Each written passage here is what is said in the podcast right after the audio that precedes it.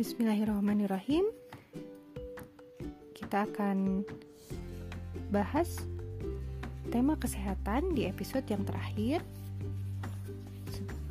Eh, kita akan bahas tentang dukungan bagi ibu dalam pemberian ASI eksklusif. Diambil dari buku Menjaga Kesehatan Balita, Panduan Persiapan Melahirkan hingga Buah Hati Anda Tumbuh dan Berkembang oleh Novaria AI dan Triton PB. Dukungan bagi ibu hamil dalam pemberian ASI eksklusif. Seorang ibu merupakan sumber ketulusan sejati bagi anak. Betapa tidak, setelah berjuang 9 bulan 10 hari menjaga kesehatan kandungan, masih disusul dengan proses kelahiran dengan rasa sakit yang tiada terkira. Setelah ini semua selesai. Bahkan seorang ibu masih perlu memberikan ASI baginya. Pada tahap penyusui ini, kembali ibu dituntut bertekad dalam pengorbanannya.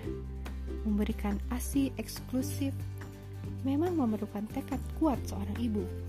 Alasannya, kemampuan ibu untuk menyusui sangat dipengaruhi oleh kecerdasan emosi Salah satu pengorbanan ibu untuk memberikan ASI berkualitas adalah menciptakan situasi nyaman berupa kondisi psikis yang tenang.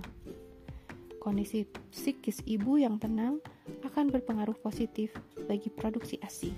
Sebaliknya, kondisi psikis ibu yang tegang dan depresif dapat berakibat turunnya refleks penyaluran susu, yaitu refleks yang bertugas mengalirkan ASI dari pabrik susu ke gudang susu. Bila kondisi ini terjadi, maka bayi dapat terancam kelaparan atau kekurangan gizi. Untuk menghadapi pihak pihak yang dapat melemahkan semangat ibu dalam upaya pemberian ASI eksklusif, maka seorang ibu memerlukan dukungan dari pihak lain yang secara emosional akan memberikan sugesti dan ketenangan. Dukungan seperti ini tidak lain adalah dari suami tercinta. Beberapa bentuk dukungan yang dapat dilakukan seorang ayah antara lain menunjukkan pada si ibu persetujuan dan kegembiraannya akan dipilih akan pilihan untuk memberikan ASI eksklusif. Menunjukkan pada semua orang ia sangat mendukung upaya pemberian ASI. Mendukung secara praktis, misalnya membantu ibu merawat bayi, memberi ASI perah pada bayi bila ibu bekerja, mengganti pokok, mengganti popok, mensendawakan bayi setelah selesai menyusu, menggendong, memandikan, dan memijat bayi secara teratur. Kualitas maupun kuantitas ASI ada antara ibu yang bekerja dengan ibu yang tidak bekerja tidak ada bedanya bila dilakukan penanganan yang benar. Selama ibu tidak di rumah, bayi dapat mendapat ASI perah yang telah diperah sehari sebelumnya. ASI perah tahan selama 24 jam di dalam termos es yang diberi es batu atau lemari es. Dengan tidak ada beda antara antara ibu yang menyusui atau ibu yang bekerja. Tapi ibu yang bekerja harus tahu cara dalam mengos cara yang benar dalam mengosongkan payudara. Ibu bekerja pun tidak perlu berhenti memberi ASI secara eksklusif selama setidaknya 4 bulan, kalau bisa 5 bulan, meskipun cuti hamil hanya 3 bulan.